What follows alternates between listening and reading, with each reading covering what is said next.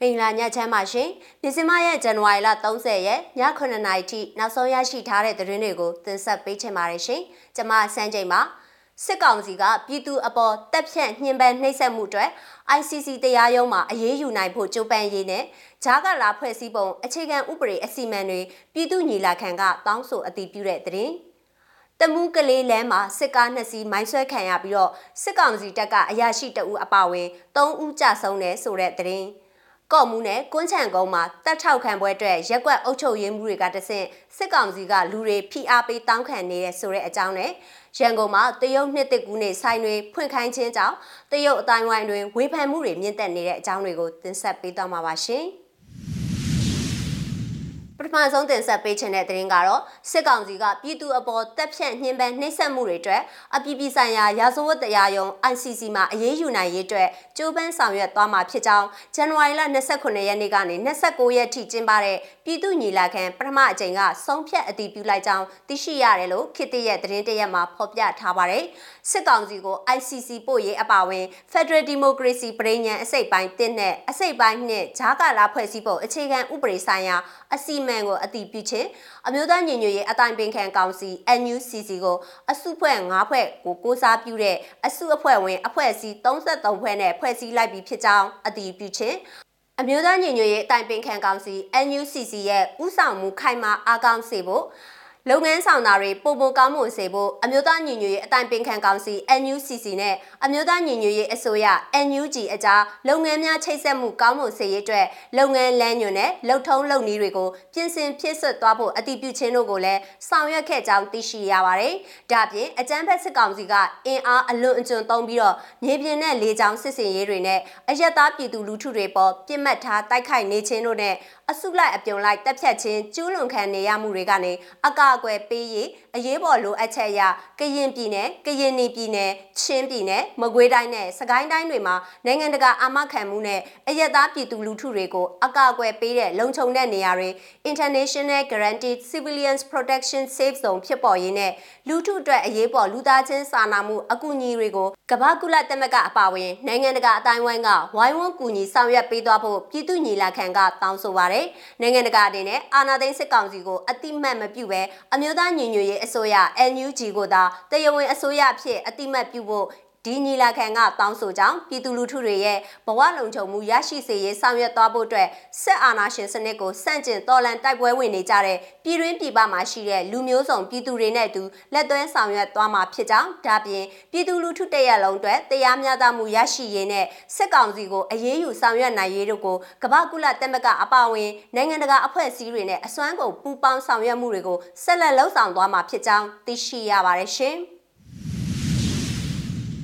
တမူးမြို့ကတရင်နဲ့ဆက်ချင်ပါတယ်။တမူးမြို့ကနေကလေးမြို့ကိုဆင်းလာတဲ့စစ်ကောင်စီကနှစ်စီးကိုဗိုလ်စည်းကွက်ဦးဆောင်တဲ့ PDF တမူးတပ်ရင်း3က ဝီဒုံနဲ့ရန်လင်းဖိုင်ရွာအကြားမှာဒီကနေ့ဇန်နဝါရီလ30ရက်မနက်10:23မိနစ်မှာတိုက်ခိုက်ခဲ့ပါတယ်။ကျွန်တော်တို့သူတို့ကားအလာကိုစောင့်ပြီးမိုင်းခွဲပစ်ခတ်တိုက်ခိုက်ခဲ့ကြတာပါ။အဲဒါကြောင့်သူတို့အကြဆုံးများတာပါလို့တပ်ရင်း3တာဝန်ရှိသူတဦးကပြောပါတယ်။မိုင်းခွဲပြီးပစ်ခတ်တိုက်ခိုက်မှုတနားရီကြော်ကြပြီးထိခိုက်တဲ့စစ်ကောင်စီတပ်ဖွဲ့ဝင်တွေဟာချင်းကြားတွေကိုပစ်ချပြီးတော့တောထဲထွက်ပြေးသွားကြကြောင်းဆိုပါတယ်။တေဆုံးထိခိုက်ဒဏ်ရာရတဲ့တပ်ဖွဲ့ဝင်တွေကိုလူနာတင်ရင်တစည်းနဲ့ကလေးနဲ့တမူးမျိုးတွေကိုတင်ဆောင်သွားတယ်လို့ဆိုပါတယ်။တမူးကလေးအာရှလမ်းမကြီးတလျှောက်စစ်ကောင်စီတပ်ဖွဲ့ဝင်တွေနဲ့ဒေသကာကွယ်ရေးတပ်တွေနေရာအနှံ့ပြားမှာတိုက်ပွဲဖြစ်ပွားလက်ရှိနေတဲ့အတွက်မိဘပြည်သူတွေအနေနဲ့လက်ရှိအရေးပေါ်ကာလတွင်အိမ်စီကားများခရီးတဲ့တင်ကားများကုန်ကားများနဲ့အရေးပေါ်လူနာတင်ယာဉ်များအပအဝင်ဘယ်ရင်အမျိုးသားနဲ့မဆိုဖြတ်တန်းသွားလာခြင်းမပြုလုပ်ကြဖို့ပြည်သူ့ကာကွယ်ရေးတမူတက်ရင်တုံးကထုတ်ပြန်ကြေညာထားပါတယ်ရှင်။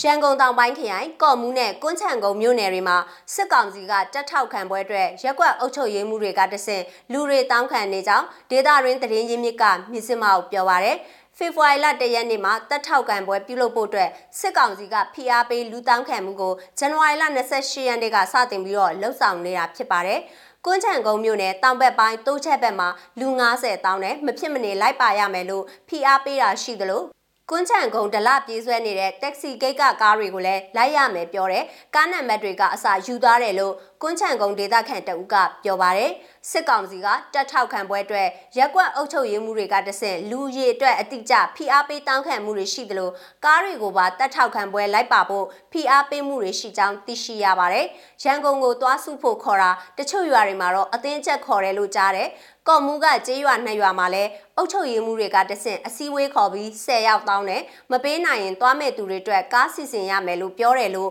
ကော့မူဒေတာခန်တအုပ်ကပြောပါရယ်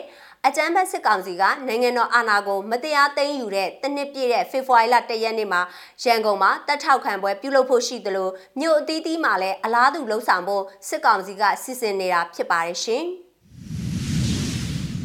နောက်ဆုံးတင်ဆက်ပေးခြင်းတဲ့သတင်းကတော့တိတ်ဆိတ်ငြိမ်သက်ခြင်းတပိတ်ပြုလုပ်မဲ့ဖေဖော်ဝါရီလ၁ရက်နေ့မှာတရုတ်လူမျိုးတွေရဲ့နှစ်သက်ကူရက်နဲ့တိုက်ဆိုင်နေပြီးတရုတ်လူမျိုးတွေရဲ့ဈေးဆိုင်တွေကိုမပိတ်ခိုင်းပဲ ဖွင့်လှစ်ရောင်းချခိုင်းနေတဲ့အတွက်ရန်ကုန်မြို့တရုတ်လူမျိုးအတိုင်းဝိုင်းကစစ်ကောင်စီပေါ်ဝေဖန်ပြောဆိုမှုတွေမြင့်တက်နေပါတယ်ကျွန်တော်တို့ကအစင်လာမပြတ်နှစ်ကူးကိုလှုပ်လာခဲ့တာ ကျွန်တော်တို့ရဲ့ရိုးရာကြော့ပွဲတွေကိုလည်းပြက်လက်ရှိတာမဟုတ်ဘူးနိုင်ငံရေးကြောင့်တရုတ်လူမျိုးတွေရဲ့ယုံကြည်ရာကိုးကွယ်ရာဘာသာနဲ့ဒလိထုံးတန်းစင်လာကိုအပြတ်မခံနိုင်ဘူးကျွန်တော်တို့ဆိုင်ပိတ်တာကနှစ်ကူးအစင်လာရအလှူဒန်းတွေလောက်တာလေဒါကိုဘာကြောင့်ဖိအားပေးအတင်းဖွင့်ခိုင်းနေတာလဲသူတို့တက်လာတဲ့ကိုကပြည်သူလူထုတွေအကုန်ကြီးလန့်စာစားနေကြရတာ အခုလိုလောက်ခိုင်းနေတာလဲအာနာရှင်ဆန်ဆန်လာလောက်တယ်ပဲထင်တယ်ပြည်သူရဲ့ယုံကြည်မှုလေးစားမှုကိုရအောင်မလုပ်ပဲဘာမှဖြစ်လာမှာမဟုတ်ဘူးကျွန်တော်တို့ကတော့ဆိုင်ဖွင့်မှာမဟုတ်ဘူးလို့ရန်ကုန်မြို့တရုတ်တန်းမှာရှိတဲ့ဈေးဆိုင်ပိုင်ရှင်တဦးကပြောပါရယ်စစ်ကောင်စီကဖေဖော်ဝါရီလ၁ရက်နေ့မှာဆိုင်တွေဖွင့်လှစ်ထားရမယ်ဆိုတော့အတမစေခိုင်းမှုတွေကြောင့်အခုရက်ပိုင်းတွင်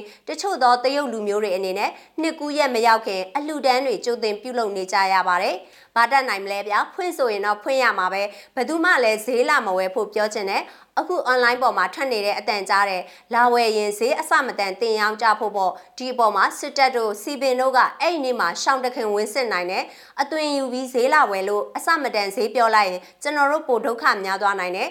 တပိတ်ကိုအားပေးကူညီရရောက်တယ်ဆိုပြီးအရေးယူခံရနိုင်တယ်ပြည်သူတွေလမ်းပေါ်မထွက်ပဲဈေးဝယ်တာကိုမလုပ်ရင်၆ကတ်နေမှာပဲလို့လာတာမြို့နယ်အတွင်းမှာရှိတဲ့လူသုံးကုန်ပစ္စည်းရောင်းချနေတဲ့ဆိုင်ရှင်တဦးကဆိုပါတယ်တနိုင်ငံလုံးအတိုင်းအတာနဲ့ပြုလုပ်မဲ့တိတ်ဆိတ်ငြိမ်သက်ခြင်းတပိတ် Silence Rock မှာပူးပေါင်းပါဝင်ကြဖို့ပြည်သူ့ကာကွယ်ရေးတပ်ဖွဲ့အသီးသီးကလည်းမေတ္တာရက်ခံထားပါတယ်ရှင် မြစမရဲ့ဇန်နဝါရီလ30ရက်ည9:00နာရီထိနောက်ဆုံးရရှိထားတဲ့သတင်းတွေကိုတင်ဆက်ပေးခဲ့တာပါ။ကြည့်ရှုအားပေးတဲ့အတွက်ကျေးဇူးအထူးတင်ရှိပါတယ်မြမပြည်သူတွေဘေးရန်နဲ့အပေါင်းကကင်းဝေးကြပါစေရှင်။